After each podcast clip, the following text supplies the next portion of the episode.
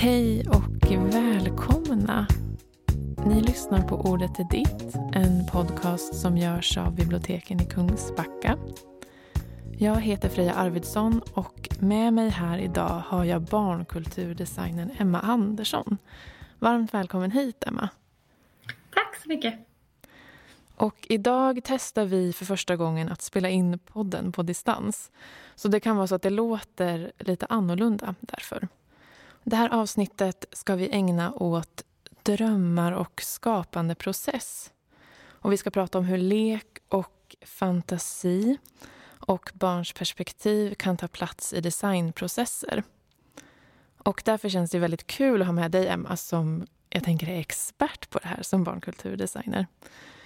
Och du arbetar med, eller ja, du arbetar som utvecklare i slöjd och konsthantverk för barn och unga på Region Halland. Och eh, har en masterexamen från HDK i barnkulturdesign. Kan inte du berätta lite mer om vad barnkulturdesign innebär för någonting? Det innebär väl, i mitt fall, tar jag det så, så att jag vill ha med barnen i hela processen. Och tycker att det är viktigt att man, man kollar av med barnen först och inte bara köra på. För det är ganska lätt för vuxna att göra det. Eh, att man, man vet ju, alla har ju varit barn.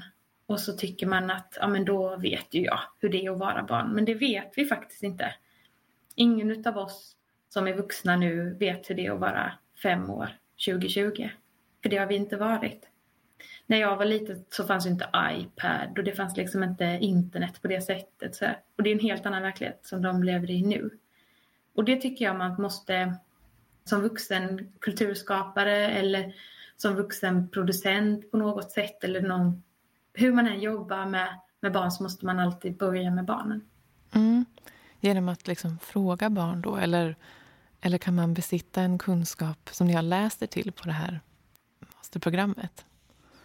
Eller hur tänker du? Eh, alltså en del kunskap, det har vi ju. Men, men eh, varje situation är ju unik. Och eh, som barnkulturdesigner eller som, som designer överhuvudtaget så måste man ju kolla med sin publik vad de vill ha. Och då, då måste man göra det på ett sätt som passar den situationen. Så ifall det innebär att man måste kanske göra en workshop kring det eller man det behöver inte bara vara intervju utan det kan ju också vara att man låter barn rita teckningar på ett tema eller liksom ta reda på saker på ett annat sätt eller så. Mm. Jag är också nyfiken på hur, hur du kom i kontakt med just design och vad som är din ingång till design. Ja, det, det är en ganska lång historia. Men eh, jag har alltid i hela mitt liv har jag varit eh, ganska kreativ. Som barn var jag alltså nyfiken på saker man kunde göra själv. Och det kommer ju såklart ifrån min familj. Jag har en mamma som, som sydde våra kläder och jag hade liksom, det var mycket skapande runt omkring mig. Och min mamma var ganska noga med det där. Min mamma jobbade som dagmamma hette det ju då. Och eh, då beställde hon hem sådär paket liksom med, med eh, saker att göra. Så vi målade på gipsfigurer och allt möjligt sådär och testade Eh, så det kommer ju från en sån bakgrund och sen så jag är ändå uppvuxen i ett område i Halmstad som inte är speciellt Alltså det var inte någon som jobbade med kultur eller liksom jobbade med det utan det var liksom en arbetarklass, kanske till och med lite lägre eh, status där. Så, så jag har liksom ingen, ingen förebild så utan det var först när jag gick på gymnasiet så gick jag en estetisk linje och där kom jag i kontakt med kultur på ett helt annat sätt. Och sen så eh, är det faktiskt genom ett stickcafé. Träffade ett gäng, eh, eh ja vad var de, 80-plussare nästan allihopa. Eh, mitt mellan, när jag, gick, alltså jag hade gått ut gymnasiet och var precis i finanskrisen 2009 och det var inte så lätt att få jobb. Så då passade jag på liksom, att träffa de här kloka kvinnorna och då kom min nuvarande kollega dit. Och då kom jag i kontakt med att det fanns liksom både folkhögskolor och annat som, som man kunde vidareutbilda sig på. Någonting som liksom inte fanns riktigt i min värld, inte inom den, den delen. Så då gick jag på folkhögskola och så ett år och sen så började jag på HDK 2010. och sen så är, därifrån är det. Mm. Spännande. Och på vilka sätt arbetar du idag då med att lyfta barns delaktighet och perspektiv? Dels så, ehm, så gör jag det genom, eh, i mitt, i mitt jobb som utvecklare så jobbar jag ehm, en del med projekt där jag försöker få in barnen så mycket som möjligt. Och i många fall så jobbar jag faktiskt med att få vuxna att förstå hur de ska jobba med barnen. Eh, lärare och eh, då är det mycket slöjdlärare såklart. Och försöka liksom få in det perspektivet på, på andra sätt. Men, eh, och sen så gör jag ibland, ganska sällan numera, eh, uppdrag där jag har frilansat och gjort, eh, bland annat så håller jag på med några lekskulpturer som håller på att bli färdiga. Och där jobbar jag med barnen direkt på plats där, de, där lekskulpturerna ska vara. Det är förskolor i det fallet. Varför tycker du att det är viktigt att jobba med, med barns perspektiv? Jag tycker att det är en, eh, dels är det faktiskt en rättighet de har. Det står i barnkonventionen och det är lag i Sverige sedan i år. Eller ja, 2020 trädde det ju i kraft.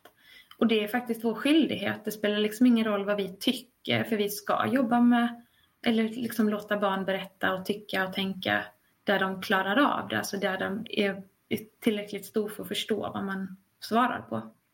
Jag tror det också kommer lite från min egen uppväxt, min egen barndom att jag var ganska liten, alltså jag var kort i växten och liksom sådär, såg väl yngre ut än vad jag var. Och blev ofta liksom lite, ja men lite lilla gummad så, lite, lite gullig, gulligt barn. Eh, och då, och det, det gjorde liksom, det gjorde mig faktiskt arg. Jag tyckte att det var redan då väldigt förnedrande att någon skulle liksom dels krypa ihop lite när de pratade med mig men också ställa liksom frågor till mig som, som liksom kändes som att men jag fattar inte ni att jag, att jag fattar. Det liksom, vet inte ni vad ni håller på med? Och det tror jag är en sån här eh, som liksom lever kvar i mig att, eh, att så vill jag aldrig bli. Och jag har ju, det är ju säkert en risk att man blir det för man är, äpplet faller väl inte långt ifrån äppelträdet så att säga. Men, ehm, men jag försöker verkligen att tänka att, att det är bättre att prata rent ut och att man, eh, att man hellre då får, liksom får ställa om frågan än att man liksom redan från start har ställt frågan på en nivå som är så, så låg på något vis. Jag vet inte om det, om det förklarar riktigt varför.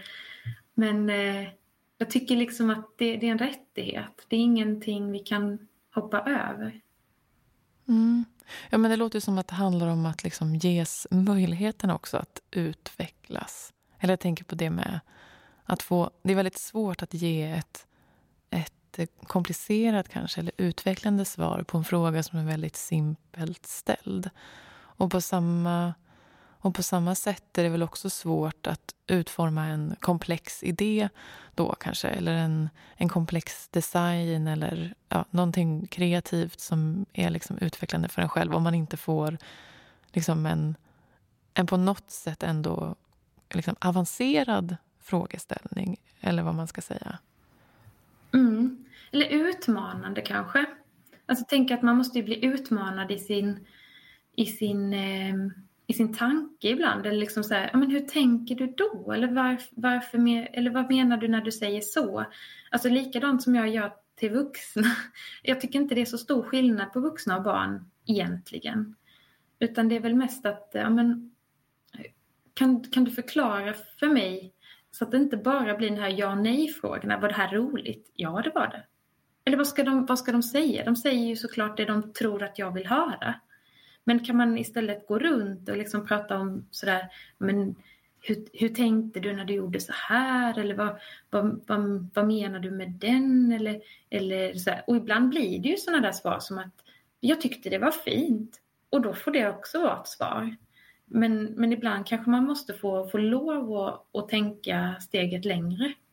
Och det tänker jag ju både vuxna och barn. Ja, verkligen. Jag tänker att uh, mer än vad man tror också är likt liksom, mellan vuxna och barn i hur man kanske vill lära sig saker eller vill eh, utvecklas eller vill jag vet inte, jobba kreativt. Mm. Mm.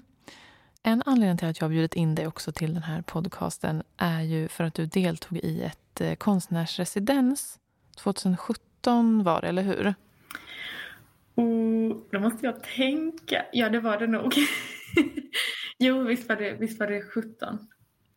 Som är en del av Art Inside Outs eh, residensarbete. Det är ju, de är en del av Region Halland. Mm. Eh, och arrangerar olika typer av residens. Och nu hade de ett residens som hette Skapa drömmar, forma platser. Och där var du och Samir Ali Fält var på Slöingeskolan i Falkenberg. Och där arbetade ni i ett projekt där ni lät skolans elever arrangera en designfestival eh, tillsammans. Och ni utgick från en av, eller från kanske flera av Samirs bortglömda drömmar. Kan inte du berätta lite om hur den här idén till projektet uppstod? Eh, jo, Samir var ju inbjuden till det här. Han jobbar ju mycket med, med barn och sådär. Och så ville han ha någon med sig för att det är också, det är också en del av det här med att jobba med barn. Att för, att barn alltså för att man ska kunna höra allting så behöver man faktiskt vara fler eller man behöver ha tid. Så jag var egentligen inte med jättemycket i själva utformandet utan Sami kom med ett förslag till mig och sa vad tror du om det här? Så här har jag tänkt. Och så sa jag vi kör på det. Och sen fick det liksom bli lite som det blev. Alltså det, det är klart det fanns ju liksom ett mål. Vi skulle ju göra en festival och det fanns ett givet datum. Men, eh, men lite liksom innehållet där i, det, det var liksom löst. Det var upp till eleverna att, att lösa liksom de uppdragen kan man säga. Mm. Hur gick det till då? Vi träffade varje klass eh, för sig. Jag tror fyran och femmorna träffade vi ihop. Men annars så träffade vi liksom varje grupp för sig. Och det började med att eh, Samir, eh, de, vi samlade dem utanför först och främst. Så att alla fick säga vad de hette och de fick sätta namn på, på, på en liten tejplapp på, så att vi kunde tilltala dem med namn. Det tycker jag också är en viktig sak. Och sen berättade vi också vilka vi var och vad vi jobbar med. Och sen så fick de gå in i en mörk gympasal som de hade, som vi hade som, som liksom verkstad under de här veckorna. Och då var det nedsläckt där och så låg det madrasser på golvet. Så de fick liksom gå in och lägga sig på de här eh, madrasserna. Och så berättade då Samir den här eh, drömmen han hade haft. Och beroende på vilken grupp vi hade så slutade den här drömmen på olika ställen. Det kunde liksom vara sådär att ja, och så kom jag till och så kände jag att det luktade glass. Och där var en fantastisk glassmaskin. Men jag kommer inte ihåg hur den ser ut. Och därifrån fick då eleverna uppdraget att lösa, alltså de skulle plocka fram den här glassmaskinen. Och hur den såg ut, det var ju liksom, det var ju upp till dem. Hur de tänkte sig att en glassmaskin ser ut. Så då började vi med att göra skisser och sådär som man gör i en designprocess. Tittade på hur, hur kan en, vad, vad, vad är det för funktioner som behövs och liksom, hur kan detta se ut och sådär. Och så fick de bygga modeller. Varje klass träffade vi tre gånger, liksom under tre träffar. Och gången efter det fick de då börja bygga de här på riktigt, för då hade vi ju en modell att utgå ifrån. Och så hjälpte vi dem eh, under vägens gång sådär. Ja men här, här behöver vi en skruv. Okej, varsågod. Har du skruvdragaren? Varsågod och borra. Och sen så blev det en glassmaskin. Och det blev, det blev väldigt mycket saker. Det, det var ett fantasiso, det var en slags sjukamp, fast jag tror det var åttakamp tror jag det blev. Och det blev, ja det, det, var allt möjligt. Och de här absolut yngsta barnen, de träffade jag själv. Eh, för de, de som gick i, i sexårs eh, och ettan då, de, eh, där gick någon slags gräns för hur, hur ung man kan vara med eh, skruvdragare och sådär. Så där träffade jag dem i deras klassrum och gjorde delar tillsammans med dem. Då gjorde vi skyltar bland annat. Så då hade vi liksom färdiga skyltar så berättade vi då att vi måste ju veta, veta vart vi ska. Var är glassmaskinen och var är... Så, så då gjorde de jättefina skyltar och sen så eh, gjorde vi flaggor. För det behövdes ju såklart vimplar och flaggor och sådär. Mm. Ja, det är väl, alltså, bilderna från den här festivalen är ju väldigt vackra. Det är otroligt mycket färger, jättemycket så neonfärger är det. Mycket stark orange och rosa och grönt och jättemycket olika designade objekt. Jag tycker också det är spännande att ni valde att utgå från en, en dröm eftersom liksom, ja, drömmen är ju någonting annat ofta än, än verkligheten. Va, vad tyckte du liksom hände när ni jobbade just utifrån drömmen som kanske inte hade hänt annars? Mm. Jag tror ju, alltså drömmar är ju sådär, det är ju, det är ju fantastiskt sätt. För det, det gör ju alla människor. Drömmar händer ju bara. Vad som helst kan ju också hända i en dröm. Det, ibland när man vaknar så kan man ju vara sådär, Åh, men vad var detta? Hur kommer detta sig? Vad har, jag, vad har jag varit med om för att ens komma på det här? Så det är ju någonstans inne i min, eller så det är ju inne i var och ens hjärna som det händer saker eller vi processar liksom det vi sett och upplevt. Så att eh, det är ju det är liksom oändliga möjligheter. Eh, och vi behöver liksom inte Drömmar behöver man liksom inte riktigt skämmas för, för det är liksom ingenting vi kan rå för. Eh, och de kan ta vilken väg de vill och sådär. Så att just drömmar är ju, drömmar och fantasi tycker jag är, är så, så fint på det sättet att det, ja det spelar väl ingen roll. Nej, Nej men verkligen att man, att man står liksom inte på samma sätt som ansvarig för sin dröm som kanske för en idé som man ska komma med. Eh, det kan ju vara mycket läskigare, tänker jag. Det finns ju också någonting med drömmen som är... Alltså det här, liksom att en dröm har två betydelser. Att det kan både vara eh, en dröm man drömmer på natten men också en dröm man har om kanske framtiden eller en dröm man har om hur ens skola ska se ut eller det är ju också väldigt fint med den dubbel, dubbelbetydelsen, tycker jag. Mm. Ja, det håller jag med om. Det är kanske därför, därför det ordet används till båda, tänker jag. Mm. Att drömmar, alltså mål och drömmar, det kanske man inte heller riktigt tror för på något vis. Det kanske bara är så att det känns rätt i kroppen eller så. Tänker jag. Mm. Ja, vad fint. Hur, du nämnde ju fantasi också. Varför är fantasin viktig i relation till design? Jag tror att eh, fantasi, eh, det är liksom det som gör att man kan hålla på med någonting kreativt överhuvudtaget. Har man ingen fantasi så kan man inte, då blir det självbiografier på något vis. Även, även i fysisk form. Man behöver liksom gå utanför det som finns eller det som är möjligt. Och det är därför människan hittar på saker, tror jag. För att man, man har liksom ofta kanske ett problem eller sådär som man vill lösa. Men då måste man ju ha lite... Alltså det här kreativa eller fantasi, det blir lite samma sak. Eh, vi måste tänka lite utanför boxen eller sådär för att komma någonstans. Mm. Också undrar jag över hur ni, liksom, hur ni använder er av leken i skapande process i det här projektet. Eh, det blir ju någon, någon slags lek. Alltså vi, vi använder ju till exempel eh, när vi tittar på saker och sådär, då, då gick barnen på vernissage typ. Och vernissage är ju ett ganska konstigt, det, det vet de flesta vuxna vad det är. Man går liksom med handen bakom ryggen och ett liksom glas champagne i handen och sådär och nickar och ler och så tittar man på konstverken eller liksom sådär.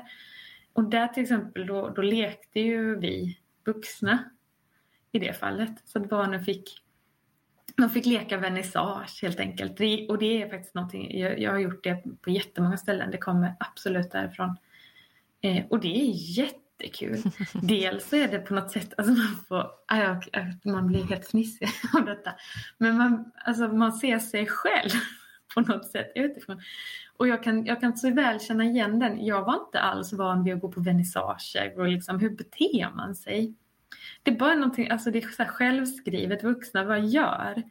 Men när barnen gör det så blir det liksom så absurt på något vis. Hur, liksom när de går runt och nickar och ler, liksom skakar hand. Så här, aha, är det så vi gör? Är det liksom... Är det så vi vuxna beter oss? Det är ett jättemärkligt beteende. det låter väldigt roligt. Jag tänker att vernissage är ju också någonting som kanske många vuxna känner sig lite obekväma i. Ja, men jag tror, jag tror liksom ingen riktigt vet. Alltså det, det finns ju liksom inga regler. Det är ingen som, alltså allt annat har ju liksom så här, ja men matte fungerar på det här sättet. Det är ganska mycket så här, läsa, det är liksom en kod man ska knäcka och sen kan man det liksom. Men, men det här med liksom beteende, det är ju det, det är liksom något, alla gör bara som alla andra gör och då blir det någon slags sätt. Och de som då har gjort det många gånger förr, de är ju mycket mer vana vid och liksom bara, bara glider runt. Och så kommer då någon som är osäker och bara anammar det. Och så gör man likadant. Och så egentligen så kanske inte alls så en vernissage borde se ut eller gå till. Varför äter vi salta pinnar? Det är ju jättekonstigt. ja, det är faktiskt inte ens så gott. Nej. Tycker inte jag. ja. ja, vad fint. Vad, liksom, vad kände ni att ni lärde er av barnen i, i det här projektet? Oj, vad lärde jag mig inte? Det är nog ganska svårt att sätta något slags finger på det. För jag tror att alla erfarenheter, det byggs ju på och till slut blir det nästan svårt att rannsaka vilket som är vilket. Vilken erfarenhet kommer från vilket projekt och vilket barn var det som sa det. En del saker etsar sig såklart fast liksom på minnet jätteväl. Men andra saker blir liksom mer, eh, man samlar liksom på sig någon slags bank skulle jag vilja säga och så och så liksom bara byggs den på och på. Och så varje gång så tänker man att ja, men nu, kan, nu har jag lärt mig det här, nu vet jag, nu vet jag hur jag ska, jag ska inte, inte säga så här för det blir konstigt. Eller liksom. Och så vänder man på det nästa gång och så funkar det inte alls i den gruppen. Så ibland tänker jag att jag blir mer och mer medveten om vad jag inte kan. Eller vad jag inte förstår. Eh, och liksom också mer ödmjuk i det tror jag. Mm. Jag tänker också mycket på det här med att liksom få, att få designa eller att få testa på att designa också är ett sätt för barn och för vuxna eh, såklart att eh, uttrycka sig liksom med händerna eller på ett annat sätt som inte är i ord. Eh, men det är också ett liksom Design är också ett verktyg kanske för att forma eller förändra samhället runt omkring oss. Eller det är ju så otroligt mycket bara runt omkring mig nu när jag sitter i det här rummet som är designat av någon. Och jag tänker mycket på så hur man hur det är så viktigt som barn att få kontakt med design och vad design kan vara och kanske vad man själv också kan göra för att få syn lite på att det är någon som har bestämt hur saker och ting ska se ut och att det också liksom kanske kan luckra upp lite tankarna kring vem som ska få bestämma det. Ja, men vad tänker du kring den här relationen mellan design och, och det som kanske är makten att, att designa eller makten att bestämma hur någonting ska se ut och vara? Jag tänker absolut att eh, design är makt. Och ibland kanske det inte faktiskt ligger i designens val. Utan det, det kan vara något helt annat som styr. Eh, det kommersiella styr ju såklart jättemycket. För någonstans så, det man skapar ska ju också köpas av någon, finansieras av någon. Om det, om det då är liksom ett projekt som kanske inte har en, en produkt på det sättet som går att sälja. Och där någonstans så, så delar man ju liksom den här, alltså makten delar man ju tillsammans med, med någon slags beslutsfattare. Och vem det är, det tror jag liksom är någon eh, samhällskonstellation. Eller liksom, det är nog ganska många människor så man kan nog inte riktigt peka på vem som gör vad. Men det jag tänker kring just den makten vi har så tänker jag ju att man måste förstå att man har en viss makt och att man faktiskt behöver vara, vara schysst och dela den. Gentemot barn så blir det ju liksom någon slags att ge dem, ge dem makten att få hjälpa till eller få, få liksom säga vad de tycker och tänker och sådär. Det tror jag är jätteviktigt och jag, jag tror inte vi får alltså samhället bygger någonstans på att vi litar på varandra och att vi liksom kan olika saker, har olika erfarenheter och olika syn på saker. Och vi behöver liksom förstå varandra för att kunna komma vidare. Jag vet inte riktigt om det var svar på frågan. Men... Ja, men absolut. Det är ju, en, det är ju också komplext med makt såklart. Men, men som att makten den ligger på många olika, olika platser. Och kanske både på personer men också på samhällsnivå och sådär, tänker jag. Mm. Mm. Sen tänker jag också att det blir en sån här... Alltså, det känns som att jag alltid säger sån här liksom lite klyschor, men vi vuxna sitter ju på jättemycket makt gentemot barn. Så vi bestämmer jättemycket, de ska gå i skolan ett visst antal år, de ska göra detta och det. Alltså det är mycket sån här, liksom, allt bestämmer ju nästan vuxna i det fallet.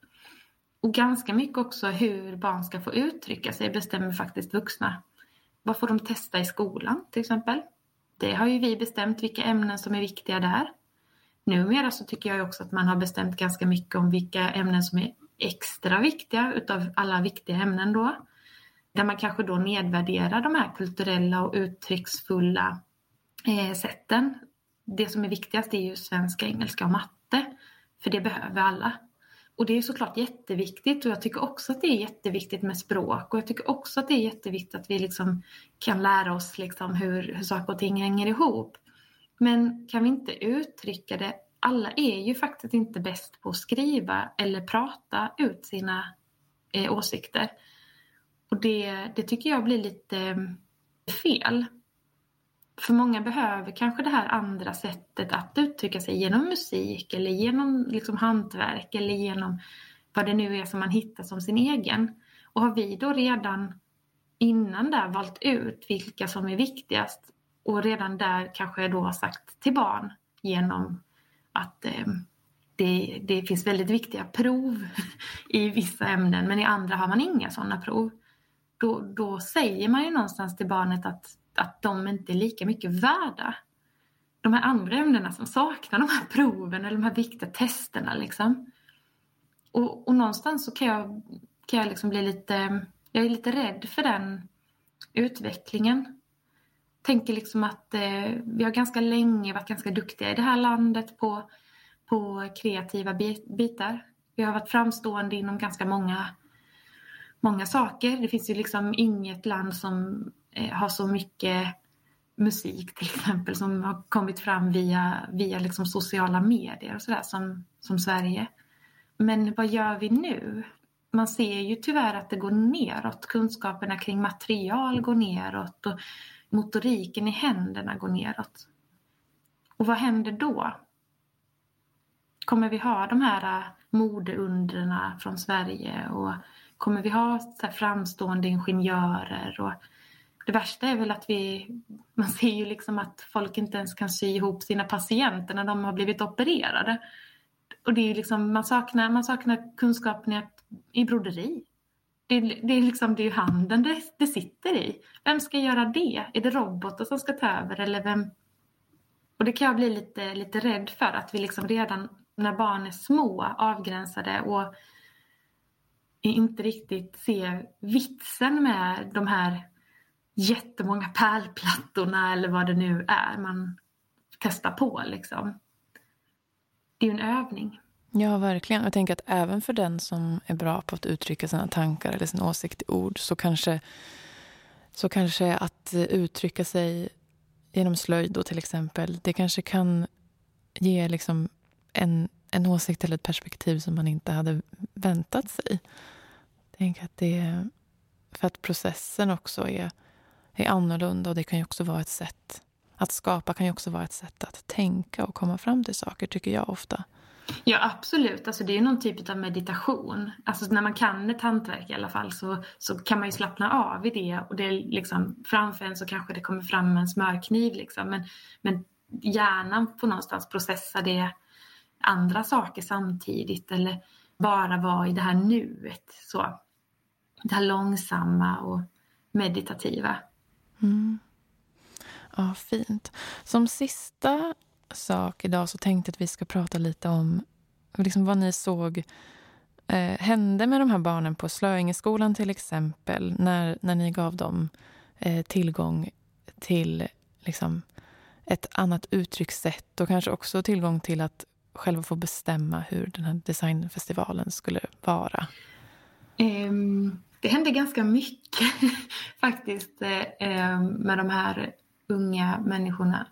Dels fanns det liksom någon slags liksom stolthet i att man har gjort någonting själv. Det här är ju också, ska man ju säga, det är ju inte barn som aldrig har hållit i en såg innan. Utan de bor ju också där de flesta har verktyg i, i garaget som kanske inte barn i en stadsmiljö har. Men de såg väl liksom att de var del av någonting större skulle jag tro. Och sen blev det ganska mycket demokrati faktiskt. Samir, vi hade ju lite öppet på eftermiddagarna. Kunde de komma och liksom gör, göra, jobba på sina saker eller vi gjorde lite andra grejer på eftermiddagarna och sådär.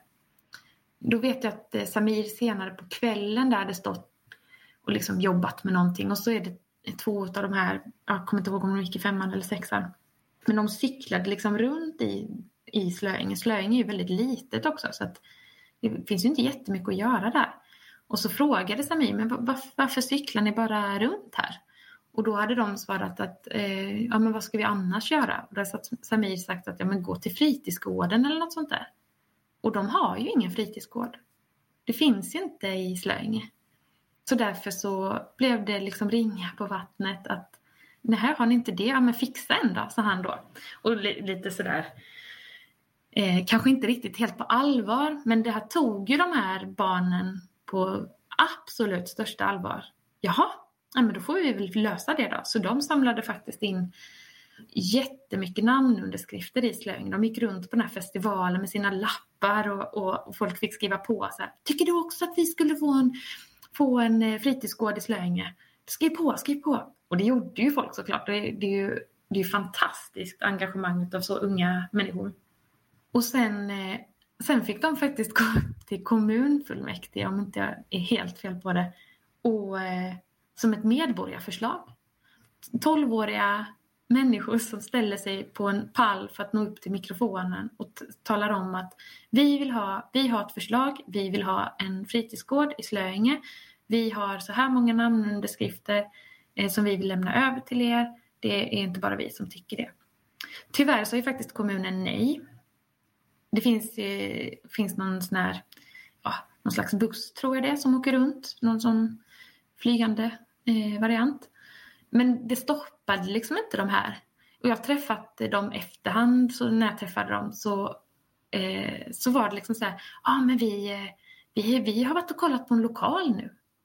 Och då har de liksom själva tagit tag i människor och liksom frågat så här, har du en lokal vi kan få låna? Har du någonting vi kan få, få liksom vara i? Och få vara alltså, komma dit och titta så här, skulle detta passa era behov? Och, de här fick ju lära sig eh, dels då men det, liksom den, den, den rättighet de har.